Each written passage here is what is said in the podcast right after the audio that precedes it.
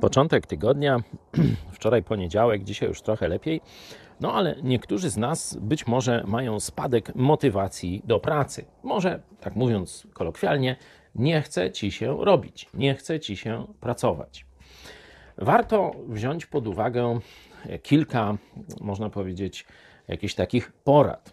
Pierwsza rzecz to, że Bóg na to patrzy. Bóg na to patrzy i kiedyś w kościele to była bardzo ważna, jakby, jakby to powiedzieć, taki punkt honoru kościoła.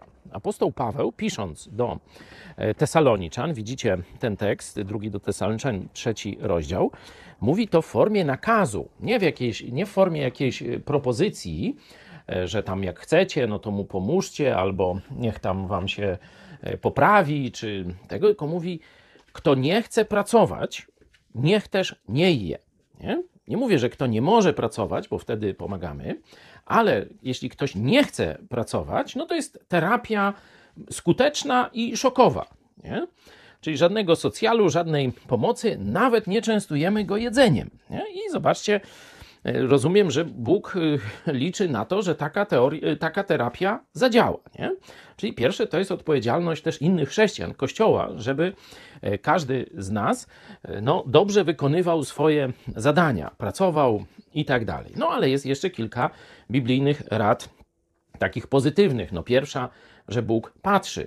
Druga, że Bóg odbiera chwałę. Jeśli ty jako chrześcijanin dobrze wypełniasz swoje obowiązki, czy jecie, czy pijecie, czy cokolwiek innego czynicie, to list do Koryntian z kolei wszystko na chwałę Bożą czyńcie. Y, dalej są konkretne rady, że kiedy masz y, chrześcijanina za pracodawcę, to absolutnie nie wykorzystuj tego, żeby lekceważyć, żeby tam bumelować i tak dalej, tylko jeszcze z większą, e, że tak powiem, gorliwością pracuj dla niego, nie tylko za pieniądze, tak jakby to było w świecie, ale na świadectwo miłości braterskiej. Jeśli masz problem, czytaj Biblię pod tym kątem.